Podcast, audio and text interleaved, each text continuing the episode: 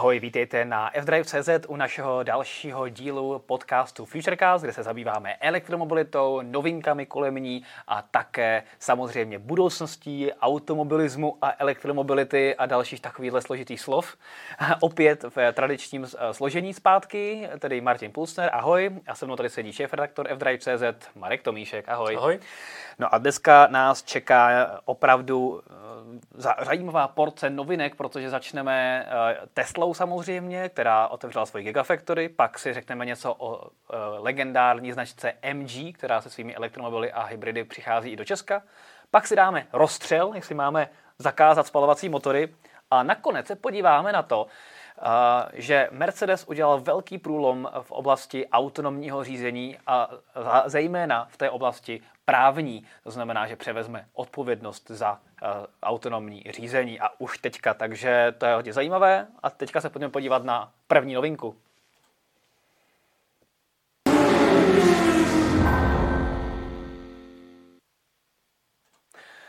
Mezi novinkami určitě je highlightem spuštění eh, dlouho odkládané Gigafactory v Berlíně, na kterou se všichni těšili. Poté, co Tesla vybojovala všechny svoje bitvy s německými úřady, které bojovaly statečně a samozřejmě také s ekology, eh, tak se asi s ročním odkladem nebo s ročním spožděním eh, dočkali jsme se. No, roční to nebylo, ale půl roku minimálně. Někdy tam v červnu bylo. 2021 jsem měla původně, takže tři no, čtvrtě roku. No. No, no. Ale je zajímavé, že spoustu lidí, kteří uh, se vyjadřovali k tehdy ambicioznímu plánu Elona, Elona Muska spustit tu výrobu 2021, tak říkali, že to je nesmysl hmm. a že si myslí, že nejdřívější termín je 2022, takže se trefili. Ale důležité je, že už to je spuštěné. Dokonce Elon Musk sám přiletěl předat první vyrobené uh, Tesla Model Y prvním zákazníkům hmm. uh, v Evropě, což je super. No a Otázka je, co to tedy v Evropě přinese. Co myslíš, že to bude to jako hodně zásadní? Uh, no tak já jsem, původně jsem tak nějak trošku očekával, že by to mohlo přinést nižší ceny, protože jsem si říkal, že když odpadne to clo, uh, odpadne, odpadnou obrovský náklady na dopravu, tak že by to mohlo přinést nižší ceny, ale... Oni se zvýšili, už, Už jsem k tomu trošku skeptický. Oni se naopak zvýšili, i v Česku. Zvýšili se teďka dokonce? Ano, ano, Tesla zvýšila ceny o dokonce o jako pár tisíc dolarů celkově hmm. a, v, a v Evropě taky zvyšovala ceny. Takže. Ale to, to, to zvýšila ještě před, eh, před tím spuštěním té Gigafactory. ano. E, nicméně teďka jsem k tomu trošku skeptický, protože když se tam vyrábí jen model Y, tak e, v podstatě Tesla by si tím podrážela model 3, který musí zůstat levnější.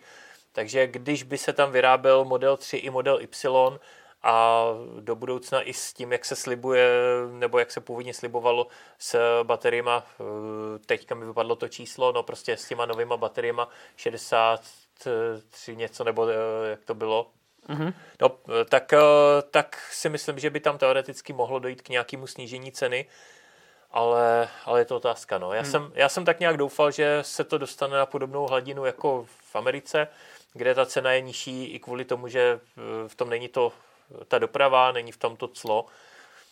Tady, když, když vezmeme americkou cenu Tesla Model Y, Model 3, tak jsme výrazně níž než, než v Evropě, ale dokud se nebude vyrábět i Model 3 v Evropě, tak asi ne, k nějakému snížení podle mě nedojde, protože hmm. podráželi by si Model 3, který vozí z Číny, většinou z Číny asi, tak uh, tam to clo je, je tam ta drahá doprava. Hmm. Takže Každopádně, co je zajímavé, tak, tak si porovnat čísla. Hmm. V podstatě eh, Tesla říká, že pokud eh, bude ta továrna v Gigafactory, tedy u Berlína, na plné kapacitě, hmm. tak to bude znamenat půl milionu vyrobených elektromobilů ročně, což je fakt obrovské číslo. Hmm. Pokud si to porovnáme s tím, že třeba celý Volkswagen za rok prodá 450 tisíc elektromobilů teďka, hmm. prodal 2021, tak eh, to opravdu je obrovská kapacita. Na druhou stranu i Elon Musk vlastně v tom projevu, když eh, přiletěl na otevření Gigafactory, říkal, že náběh té produkce bude trvat déle než stavba té továrny. Hmm. To znamená, že opravdu té kapacity se dočkáme až za mnoho, mnoho let. Sami analytici říkají, že v letošním roce by ta Gigafactory měla vyprodukovat zhruba nějakých 50 tisíc aut, což uh, není moc, ale zase si myslím, že to může na evropském trhu signifikantně zahýbat To s těmi, Každopádně. s těmi čísly. Příští rok už se odhaduje zhruba čtvrt milionu vyrobených aut a na tu plnou kapacitu by to mělo najet někdy kolem roku 2025-26, to znamená 3 až 4 roky bude trvat ten náběh té výroby. Ono samozřejmě trvá i nějakou dobu uh, zaměstnat tolik lidí. Teďka tam má Tesla zhruba 4 000 lidí, celkově tam mělo pracovat až 12 000 lidí, takže opravdu obrovské množství.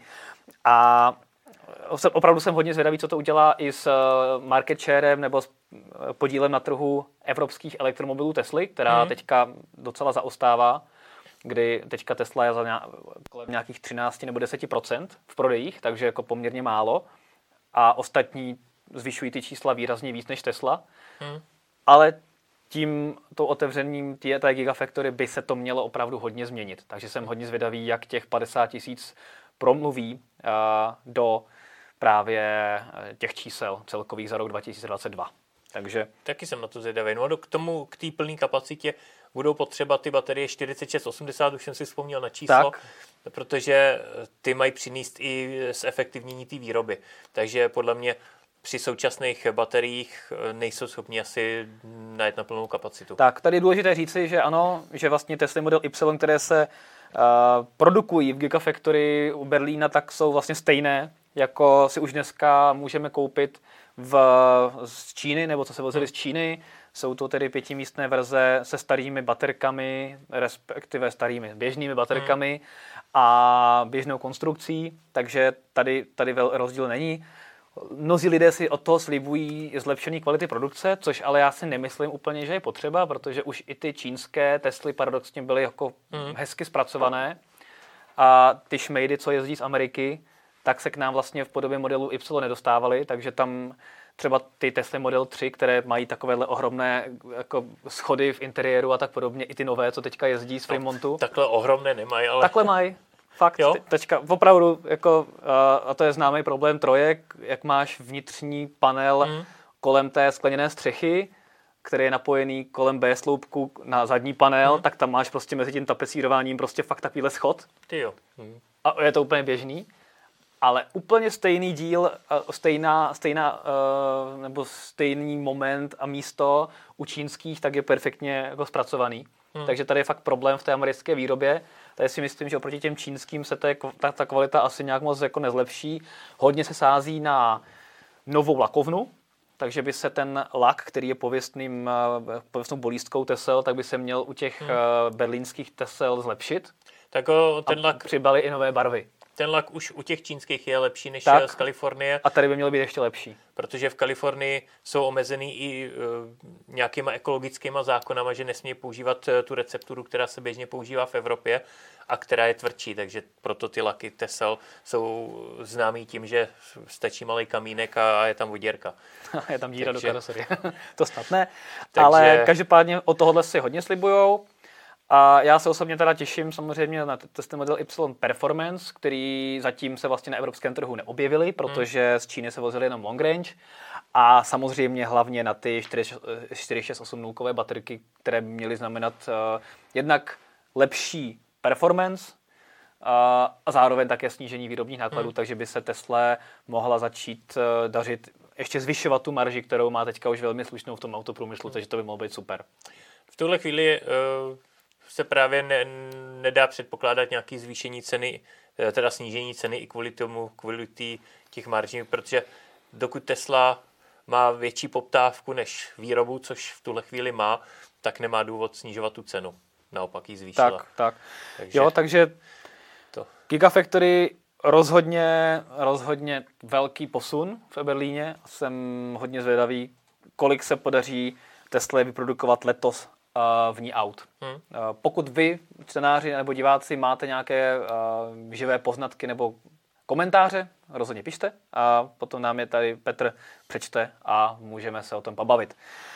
Takže to je berlínská Gigafactory, no a uh, co bylo zajímavé, tak třeba Elon Musk v tom svém projevu, nebo to nebyl úplně projev, to bylo spíš odpovídání na otázky místních návštěvníků, tak jako vždycky Elon prozradil spoustu věcí, i ty možná, které by prozrazovat neměl úplně.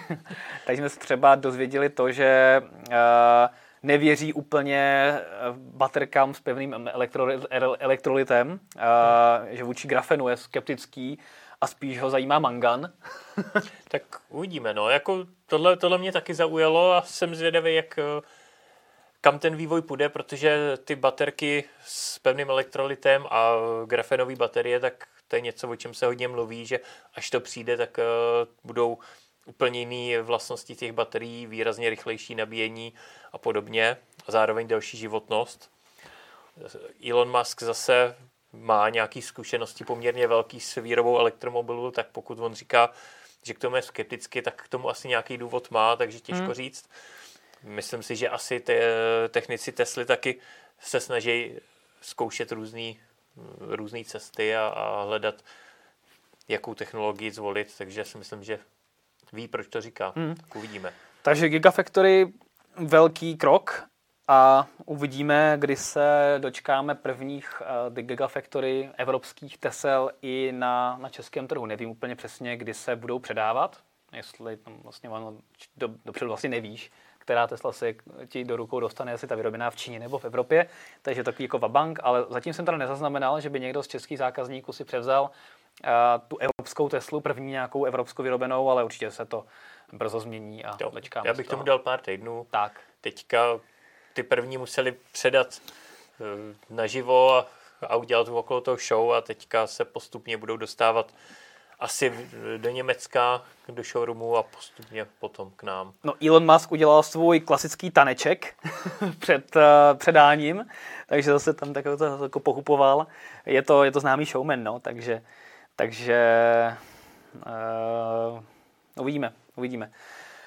Máme tam nějaké zajímavé komentáře, Petře, které by stály za přečtení, anebo půjdeme na další téma?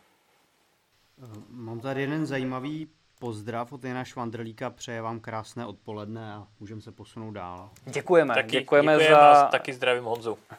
děkujeme Honzo za pozdrav a jdeme tady dál a Tesla to nebude mít jednoduché v Evropě, protože se do Evropy a tlačí další další značky a některé se už z těch lukrativních eh, severských trhů, jako je Norsko, kde už nějakou dobu působí, tlačí i do těch méně lukrativních, jako je třeba mm. Česko. A to je příklad eh, značky MG, která vám určitě něco říká. MG je taková tradiční britská značka, která v, eh, v Británii má dlouhou tradici, skoro 100 letou. Nějakých 98 let, no, 96 nebo 98 let. Hodně stará to... značka, která ale teďka už není úplně britská, respektive vlastní to Číňani. Eh, vlastní to Číňani. Pokud to teda dáš do kontextu, uh, jak to je. Vlastní to koncern Sites, čínský koncern, ty auta se vyrábí v Číně, ale vývoj je údajně pořád eh, ve Velké Británii. Takže je to... Údajně. Takže tam mají třeba jednoho vývojáře, nebo? Říkají, říkaj, že to vyvíjejí ve Velké Británii, takže věřme jim.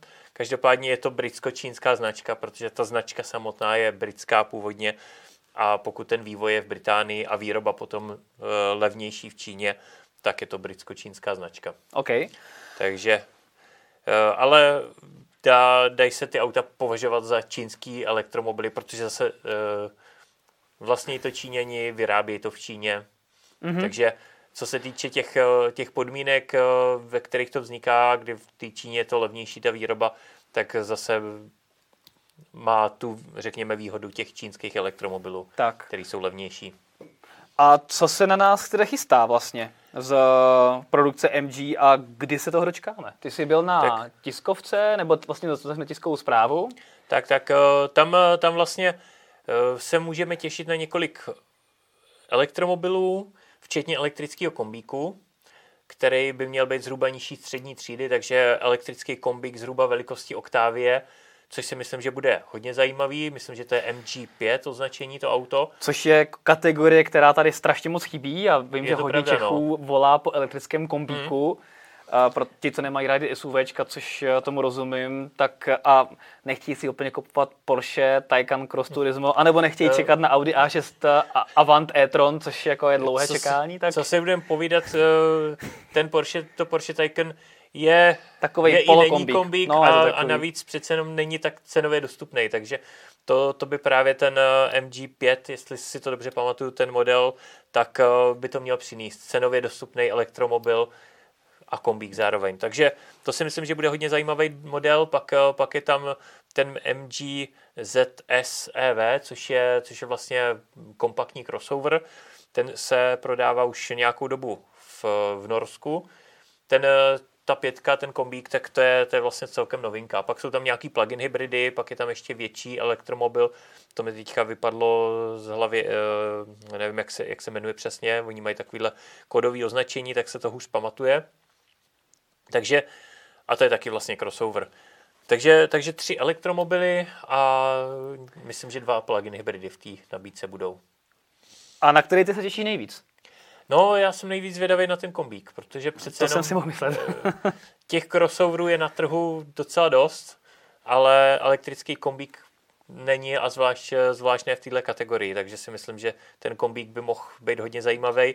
Byť teda ten eh, ZSEV bylo auto, který byl třeba v Norsku hodně oblíbený. Teďka, co jsem koukal na aktuální statistiky za celý rok 2021, eh, tak eh, tam bylo asi na 20. místě, takže se propadlo, když přišel na trh, eh, přišel na trh auto jako Škoda Enyaq, který tam je poměrně oblíbený, Volkswagen ID3, ID4 a tak dále, mm. tak, tak se to MG propadlo. Mm. Ale co jsem dělal vlastně nějaký týdenní, teda měsíční vyhodnocení třeba toho norského trhu v minulosti, tak v roce 2020 se často pohyboval mezi prvníma pěti, jo, jo, to co se týče prodejů. Takže i v tom Norsku a troufnu si říct, že no, Norové jsou poměrně nároční zákazníci, tak i v tom Norsku se ujal. Super. Já se teda osobně nejvíc těším na ten třímotorák MG Marvel R, který je sice něco dražší, ale zase nabízí jako pěkný výkony. Jo, a vypadá jsi... i celkem jako designově zajímavě. Ta, hmm. ta linka vepředu a s tím, tím LED proužkem, jako proč hmm. ne? Takže těším se na to. Jo. A možná prozradím, že uh, bychom se mohli dočkat snad testu za nedlouho hmm. uh, přímo v Norsku, tak uvidíme, jestli to vyjde.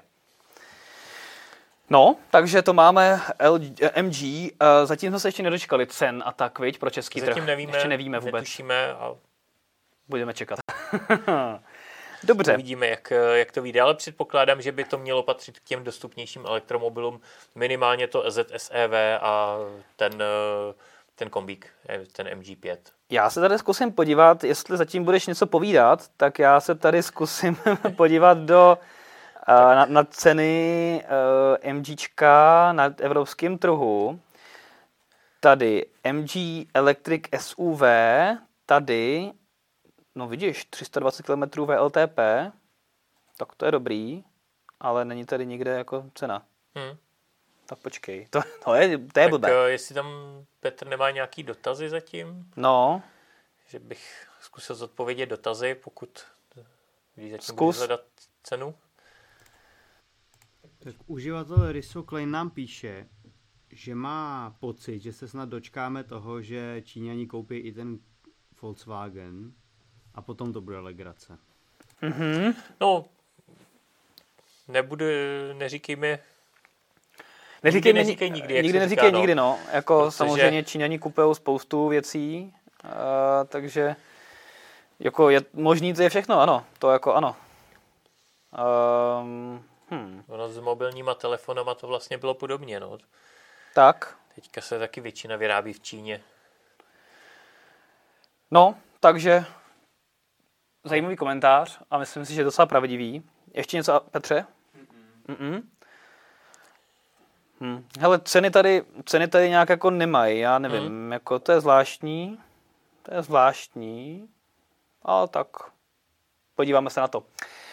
Dobře, tak jo, tak další téma. A to je takový jako kontroverzní téma a to bude rozstřel. Jdeme na to.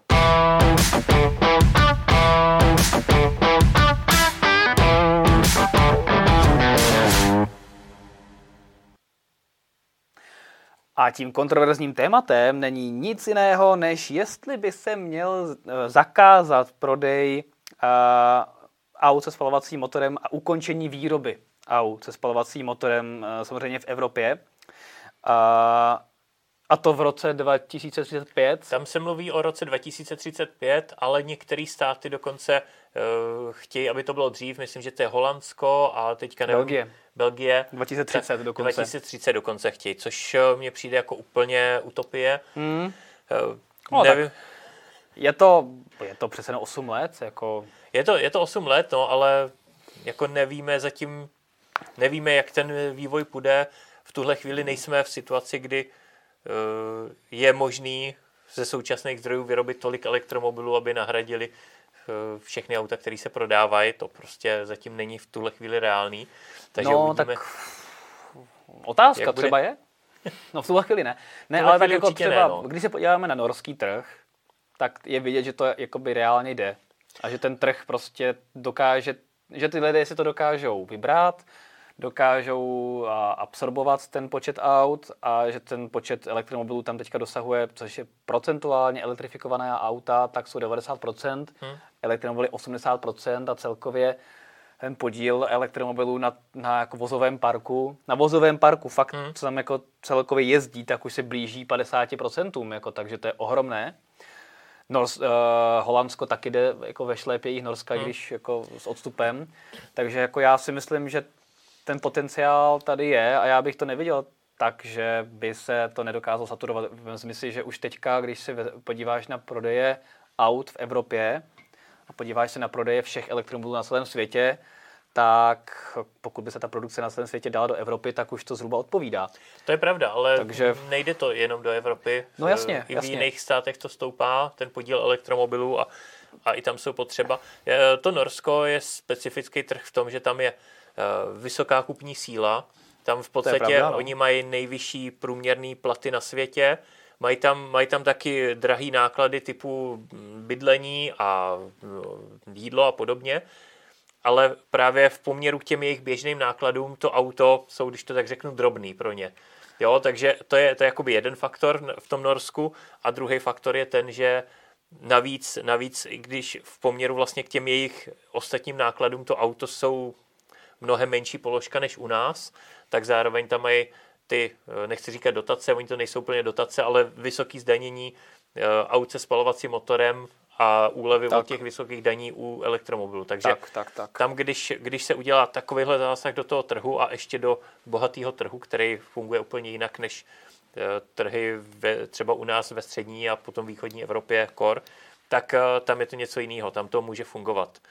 Ale myslím si, že tady ani z hlediska té kupní síly podporu tady žádnou nemáme a ani si nemyslím, že je, je to dobře eh, navyšovat, navyšovat daně na ostatních autech, aby se, dali, aby se mohli podporovat elektromobily. Já jsem zastánce toho, aby se to nechalo volnému trhu. A pokud to necháme volnému trhu, tak podle mě ten rok 2030 je opravdu brzo. 2035 těžko říct, ale tak jako tak eh, já bych to nezakazoval a nechal bych to celý volnému trhu. Hmm. Podle mě, co je dobrý, tak se prosadí samo. Já jsem fanoušek elektromobilů, znám jejich výhody, já jsem přesvědčený o tom, že dřív nebo později se prosadějí, ale že se prosadí tak, až ten trh na to bude připravený, že to nebude umělá změna e, způsobená nějakýma e, pobídkama, dotacema, přerozdělováním a, a zákazama. Jasně.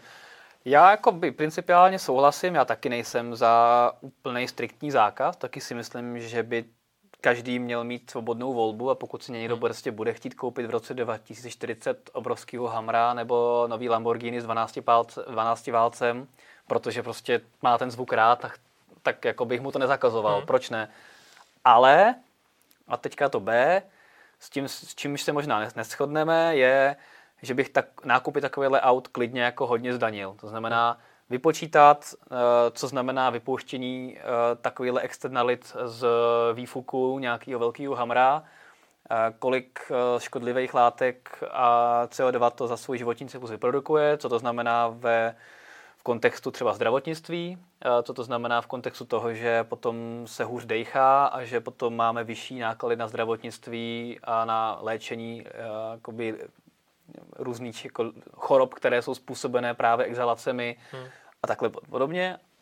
A na základě takového výpočtu bych potom třeba podle, ne, nejenom podle CO2, třeba podle objemu motoru nebo podle výkonu nebo něco takového zdanil tyhle ty auta. To znamená, hmm. že vlastně něco podobného, jak bylo ještě i před příchodem elektromobility v těch severských zemích, kde vlastně původní ty daně směřovaly k tomu, že ty opravdu luxusní a silné auta si mohli dovolit opravdu jenom hodně bohatý lidi a zamezovalo se nějakému jako zbytečnému plítvání, protože většina lidí si mohla dovolit nějaký jako ekonomický malý auto s úsporným motorem hmm. a, a lidi vlastně byli tím tlačený do relativně ekonomických aut a, a nemohl si skoupit jako běžný člověk prostě, nevím, BMW X5 nebo něco podobného, protože to už opravdu bys v podstatě zaplatil dvojnásobek ceny toho, toho auta.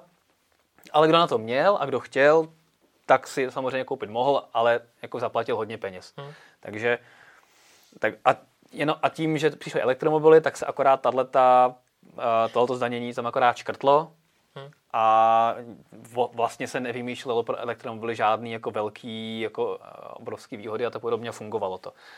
A něco podobného bych si dokázal představit prostě i, uh, i jinde. Jakože jo, jako jestli chcete spalovací auto, chce, tak, tak soubít, jako klidně, ale prostě tady, tady si za to prostě zaplatíte, protože spalovací auto dělá to a to a to, uh, ničíte na životní prostředí, takže prostě tady zaplatíte tolik a tolik 100 tisíc navíc a půjde to na výstavbu hmm. stromečku a tady na léčení dětí, který to vaše auto zabíjí.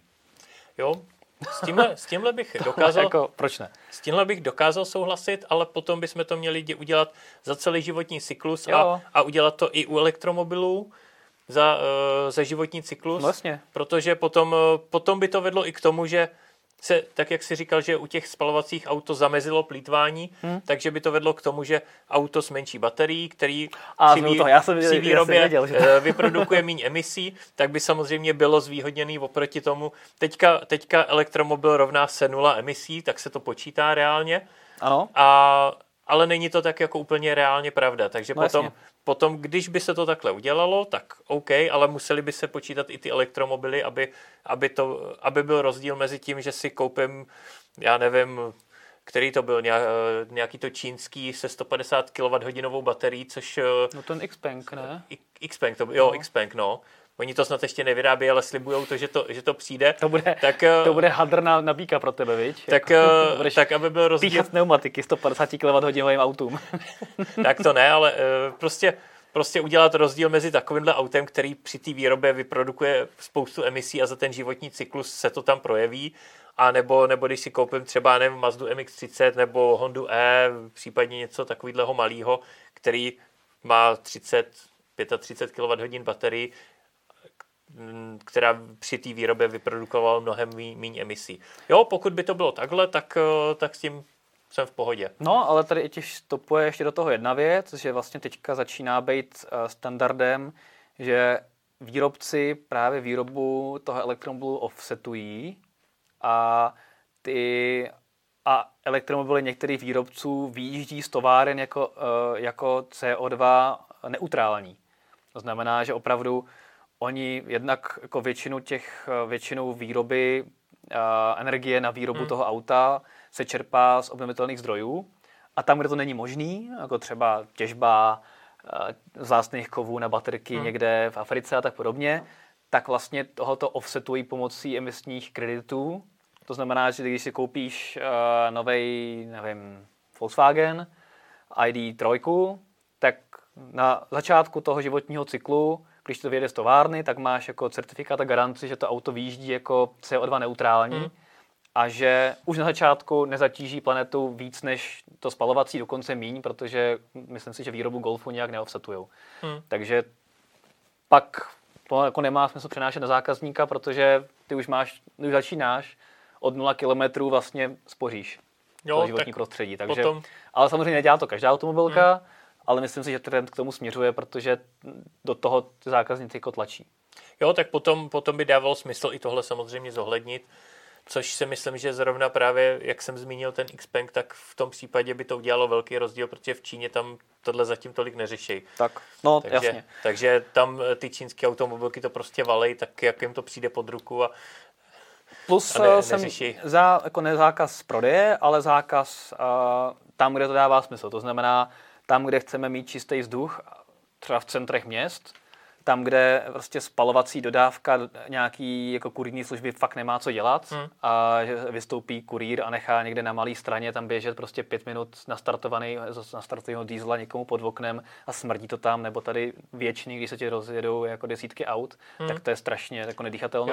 To souhlasím. Takže prostě v momentě, kdy i klidně v té Praze prostě se dokončí aspoň pražský okruh nebo něco, tak prostě těm spalovacím autům uh, buď zakázat, anebo zase výrazně zdražit vjezd do centra, aby lidi odradilo jezdit spalovacíma autama, buď teda budou jezdit MHDčkem, což je vlastně Hmm. ta správná cesta, nebo je budou jezdit jakoby, uh, elektromobilema, který mají nový, nulový lokální emise. Hmm. Jo, to, to dává Takže smysl. tak, takovýhle jako, takovouhle formou zákazu bych tak jako podporoval, protože všichni chceme, aby se nám dýchalo líp a vždycky, když jdu prostě po ulici v Praze a, a jsem na křižovatce, tak jako si říkám, ty jaký by to bylo super, kdyby tady jezdili jenom čistý elektrický auta, bylo by tady ticho, i když to teda s těma umělejma zvukama pro chodce taky teda nebude velká výhra teďka.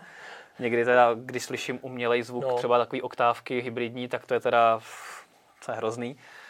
Nechápu, proč je tak jako hlasitý, ale to jsem odbočil, takže ticho, dobře, ale, ale hlavně čisto prostě, To jo. takže jako fakt, když se ti rozjede jako 10 aut tady na křižovatce, tak prostě nebudeš si zaspávat nos. Jo, to s tím souhlasím, protože ty lokální emise u aut, osobních aut zejména, jsou mnohem důležitější složka podle mě než ty globální emise, protože na globálních emisích se, se auta podílejí minimálně. Tam těžký průmysl, lodní doprava, letecká doprava dělá mnohem větší podíl než, než osobní auta, Tak. ale ty lokální emise jsou průšvih, zvlášť ve velkých městech, a tam, tam to potom dává smysl takhle řešit. To souhlasím. Tak jsme se v rozstřelu nakonec shodli. A co vy, naši diváci, máte k tomuhle nějaká zajímavá témata postřehy, nebo jaký máte názor na to, jestli zakázat nebo nezakázat spalovací motory, nebo jestli je třeba zdanit? Ke komu se přikláníte? Jestli k Markovi nebo ke mně spíš? Tak máme tady názorů hned několik. Začneme Rysokleinem, který píše, že si myslí, že po 24. únoru, tedy kdy Rusko zautočilo na Ukrajinu, tak ten přechod na elektromobilitu se u bohatších států, jako je třeba Německo, eh, urychlí a přejdou na to spíš eh, sami a u nás to bude brzdit nižší životní úroveň. Hm. Hm? Jo, s tím souhlasím. S No. tím taky souhlasím. No. Tady Tady někteří zlí jazykové říkají, že Green Deal a takovéhle věci jsou a je mrtev, ale jako neuvědomuji si, že Green Deal nikdy nebyl úplně primárně o snižování CO2, ale o snížení závislosti na právě ropě a zemní, zemního plynu, třeba právě z Ruska.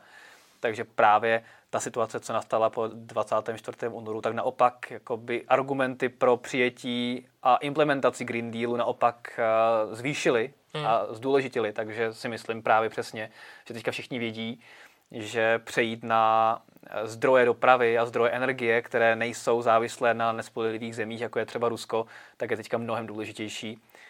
A jako decentralizovaná výroba elektrické energie, že si prostě jako opravdu vyrobím na střeše za sluníčka energii pro svůj elektromobil a nemusím jezdit na čerpací stanice Lukoil, čerpat jakoby tady ruskou ropu, tak si myslím, že teďka dává mnohem větší ještě smysl než, než předtím.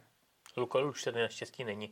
Tak dobře, pardon, tak nevím, Ale- co tady je ale- vlastní. No tak jako ta ruská ropa je všude. Takže. dostává se sem, no. Spíš nevíš, kde je. Já jsem protože- už hodně dlouho nebyl na čerpací stanici čerpat benzín, vidět. takže já fakt nevím. Naštěstí.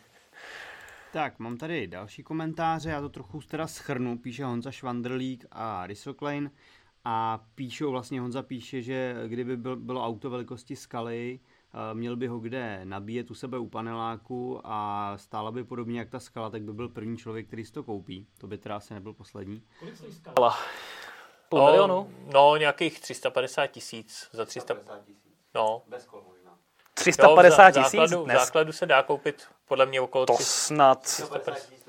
Počkej, Jo. počkej, to teda jako Tak se podíváme teda. skala od 420 tisíc. Jo? To přitvrdili teda. Skala GTEC, tvoje oblíbená, No. 507. Ta, ta je drahá, protože tu oni, oni, oni prodávají v nejvyšší výbavě jenom. A jakmile tam musíš stahovací okýnka elektricky, jak si připlatíš aspoň stovku. takže moment, jako skala a skala, aby to trošku vypadalo, a aby to trošku jelo, tak jako tady ví, Style za 477 tisíc. Počkej, to je, ano, 477 tisíc. Takže opravdu No. půl milionu, no, aby No. to nějak vypadalo a jelo. Ale když, když takovýhle auto bude za půl milionu jako elektromobil, tak si myslím, že do toho ty lidi půjdou. Že? Jo, souhlasím. Jako-. Uh, tak jako to má být třeba z těch, bohužel teda Tesla řekla, že ten vývoj zastavuje, hmm. že momentálně to není priorita, což mě mrzí, protože Tesla vždycky dokáže ten trh jako zhýbat, ale v roce 2025 se má přijít ID1 hmm. od Volkswagenu, která má fun- stát zhruba nějakých 600 tisíc. Velikostně Ta to bude, teda bude ta bude menší, menší. spíš ID2 bude v No, tomhle tom ale tak jako no. Ale, ty ceny se tam jako hýbou a už teďka se dá koupit Corza E nebo něco podobného za nějakých 700-800 tisíc nová. A s nějakýma slevama u dílerů se dostaneš ještě trošku níž, takže už, jako, už se tam jako Jo. dostáváme, je to pořád o nějakých 200 tisíc výš než třeba ta skala, už to není tak jako diametrální rozdíl, že prostě elektromobil stojí milion a spalovací 500 tisíc, takže už se to trošku jako přibližuje. Ale souhlasím, no, jako, a co se týče nabíjení u paneláku, podívej se na náš teďka zcela nový video, který jsme natáčeli, eh, jak už dneska se dá pohodlně nabíjet elektromobil v Praze, eh, když bydlíš na sídlišti eh, v paneláku a trafostanic, které jsou z wallboxy, tak už je po Praze víc než 100, ale to přibyde dalších 50. Třeba my jsme natáčeli na Chodově, kde jsou ty trafostanice ochytřené wallboxy každých několik set metrů a už se s tím dá fakt jako v pohodě fungovat, takže se na to mrkni a to nabíjení i na sídlišti už není problém. z těch eh, eh, jakoby aut téhle velikosti zhruba, tak je asi nejdostupnější ta MX-30, která jako předváděčka, jako nová stojí 850 tisíc, eh, ale v solidní výbavě, ale vím, že jako předváděčka, eh, že některý kupovali jako pod 700 tisíc. Hmm, jo, Je- tak jako s těma, s těma slevama se tam Že když dostaneš. byla No. nějaký, nějaká sleva u, díl, u dealerů. Ty, ty to pořád, ty, ty, to by se líbí, ten, ten Time X30. Jo. Já vím, já vím. Je to prostě takový příjemný auto a, a dává mi smysl. No. Jakože je, to, je to ten krok právě k té levnější elektromobilitě. Jo. jo. Tak pak tady mám ještě další komentář právě od toho Rysoklejna, který píše, že vlastně teďka ty auta typu Enyaq a tak dále jsou to všechno jako vlastně první generace, čímž myslí první generace skutečně elektrických aut, nejenom nějakých přestav, a- přestaveb a tak dále. A že to, co se dá vlastně od elektromobilů teďka čekat, je jako velmi rychlej vývoj, což bude mít vliv vlastně jako úplně na všechno, od dojezdu přes ceny eh, a tak dále. Přesně tak. Hmm. Ono, když se člověk podívá, jak ohromný skok udělala elektromobilita v tom segmentu kolem milionu korun za poslední tři, čtyři roky, to je jako neuvěřitelný. Před třema, čtyřma rokama v tomhle tom, v ceně si neměl, si měl e-golfa Eh, Je se pravda, že směšným dojezdem, no, okolo milionu a okolo těch 700 tisíc, kde, kde teďka v podstatě už se dostávají i relativně velký auta, třeba ta MX-30 už se k tomu eh, jasně blíží. Eh, eh, máš, tam, máš tam třeba Korzu, Korzu E, která je teda o něco menší, ale, ale taky, taky se po- pohybuje okolo téhle ceny. 2008, No. no. E, 2008 teda od Peugeotu, No, taky spíš nějakých 208. 800. 2008 je No. větší trošku a, a dražší, ale, ale jako už, už jsou tam auta, v podstatě ID3 taky už není o, o tolik dražší, S byť, tou malou baterkou se dostaneš No. na nějakých 900 tisíc, No. no. no 850. takže, takže jako už, už je tam dost aut, který, který takovouhle cenu mají a když vezme, že dřív stál, stál Citigo s tou malou baterkou, to mělo tuším 18 kWh využitelnou nebo něco Hmm. takového, jako strašně malou baterku, tak, eh, tak to stálo 660 tisíc, pokud se nepletu. Jo, takže teďka ne o moc dražší, už koupíš auta Jo. výrazně větší a hlavně s dvojnásobnou baterkou. Tak. Ono to je krásně vidět i třeba na příkladu BMW i3, které tady s námi bylo 9 let. Hm? A za tu dobu vlastně dostalo čtyři velikosti, bat, jako čtyři vlastně upgradey baterie. Prodává se stále za stejnou cenu, Hm? ale teďka vlastně ujede trojnásobek toho, co ujelo uh, v tom roce 2013, 14, když se začalo prodávat tady v Česku, tak uh, prostě seš dojezdově úplně někde jinde a je to vlastně to samé auto za stejnou cenu, ale tady je krásně vidět, jakoby, eh, kam se posunula baterka a její cena. To je ten největší skok. V roce 2010 eh, stála 1 kWh baterie 12 dolarů.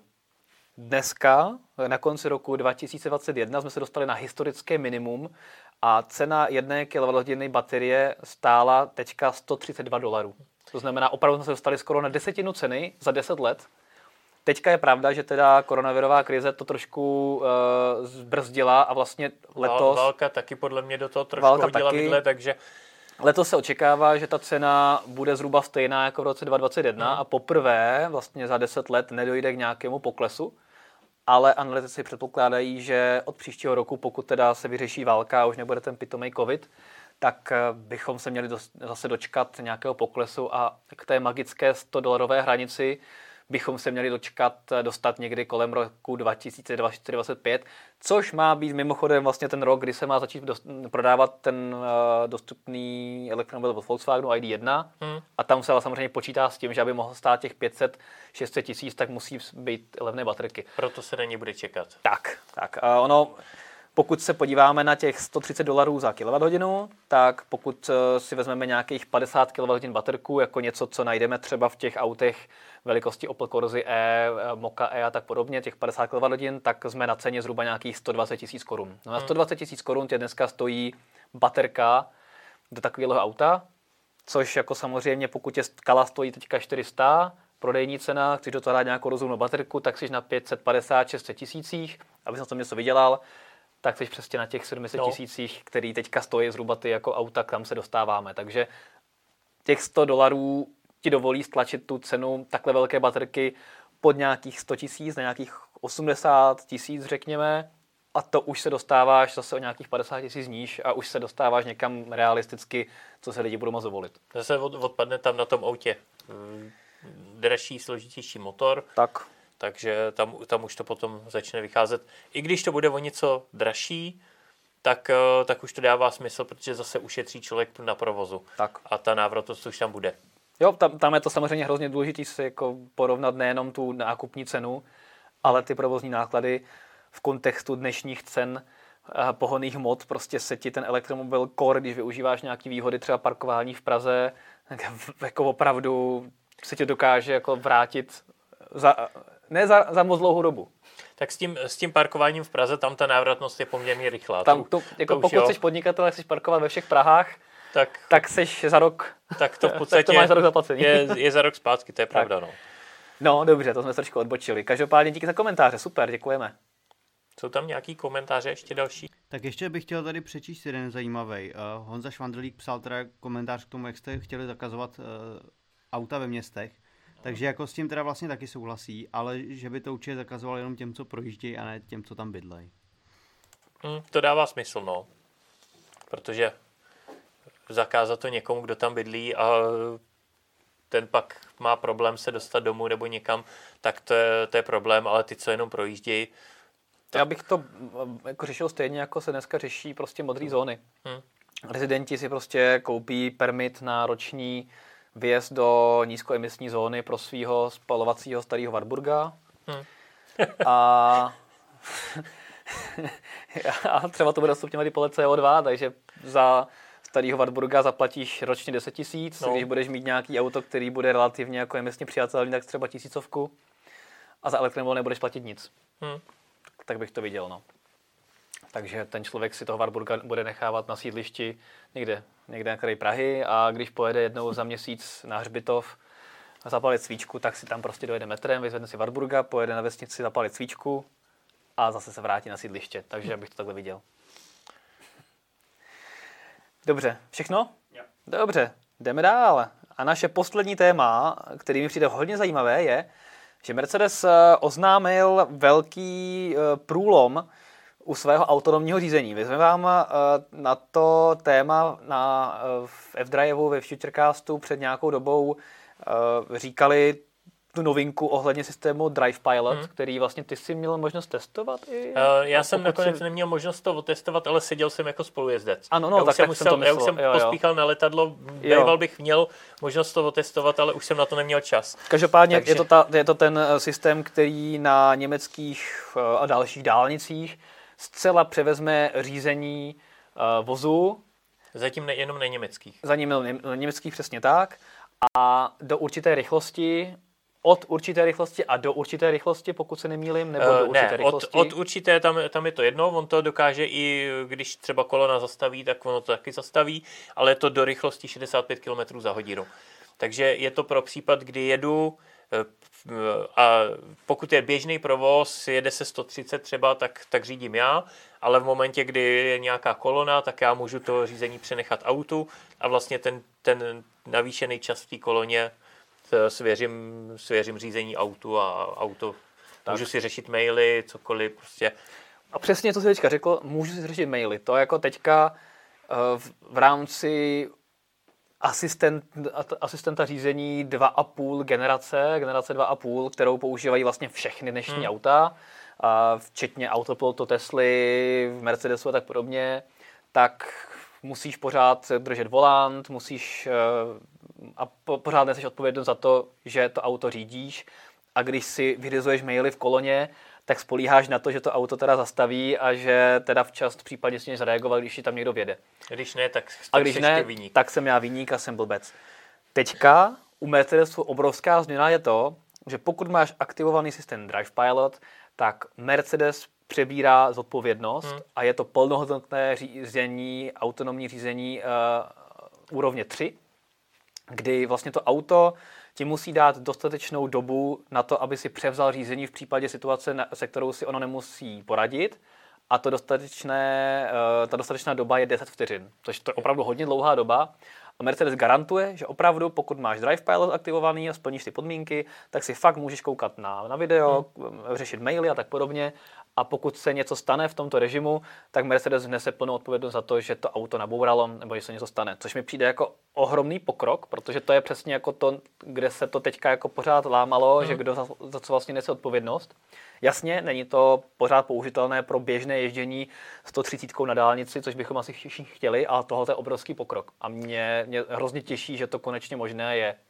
Tam je právě ten zásadní průlom paradigmatu mezi levelem 2 a levelem 3. Level 2 jsou prostě všechny asistenty, které se teďka používají a level 3 je první, který vlastně mi umožní opravdu tu zodpovědnost přenechat autu a nemuset se o to řízení starat. Být pouze připravený k řízení a level 3 je vlastně definovaný tak, že uh, funguje autonomní řízení za předem stanovených uh, určitých podmínek, což je právě ta dálnice a rychlost do 65 km za hodinu. Hmm. Předpokládám, že časem asi ten vývoj bude, že to Mercedes bude navyšovat, že když zjistí, že zvládá 80, tak to zvednou a postupně to třeba budou navyšovat.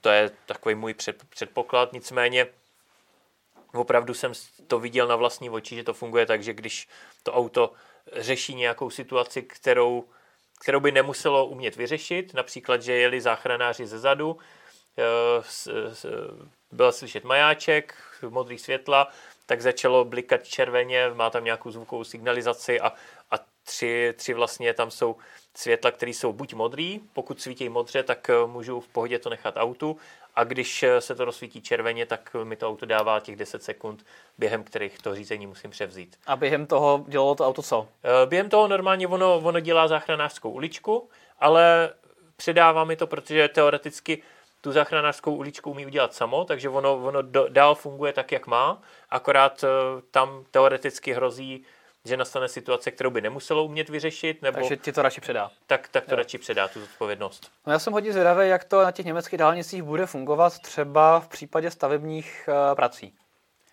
Což uh... je jakoby častý jev, že, jo? že prostě máš omezenou rychlost, jedeš třeba 50, 60 a najednou prostě jsi vedený do protisměru, do jedného pruhu. Jestli a co to auto v té situaci udělá, jasně, známe jakoby autopilot od Tesly, který jako velmi dobře si poradí hmm. i s uh, pruhama, takovými nestandardníma situacemi a jako velmi dobře v, v tom v americkém modu, v, té, v té beta verzi full self driving, tak jako si umí eh, poradit s, veš, opravdu s velkou řádkou situací. Hmm.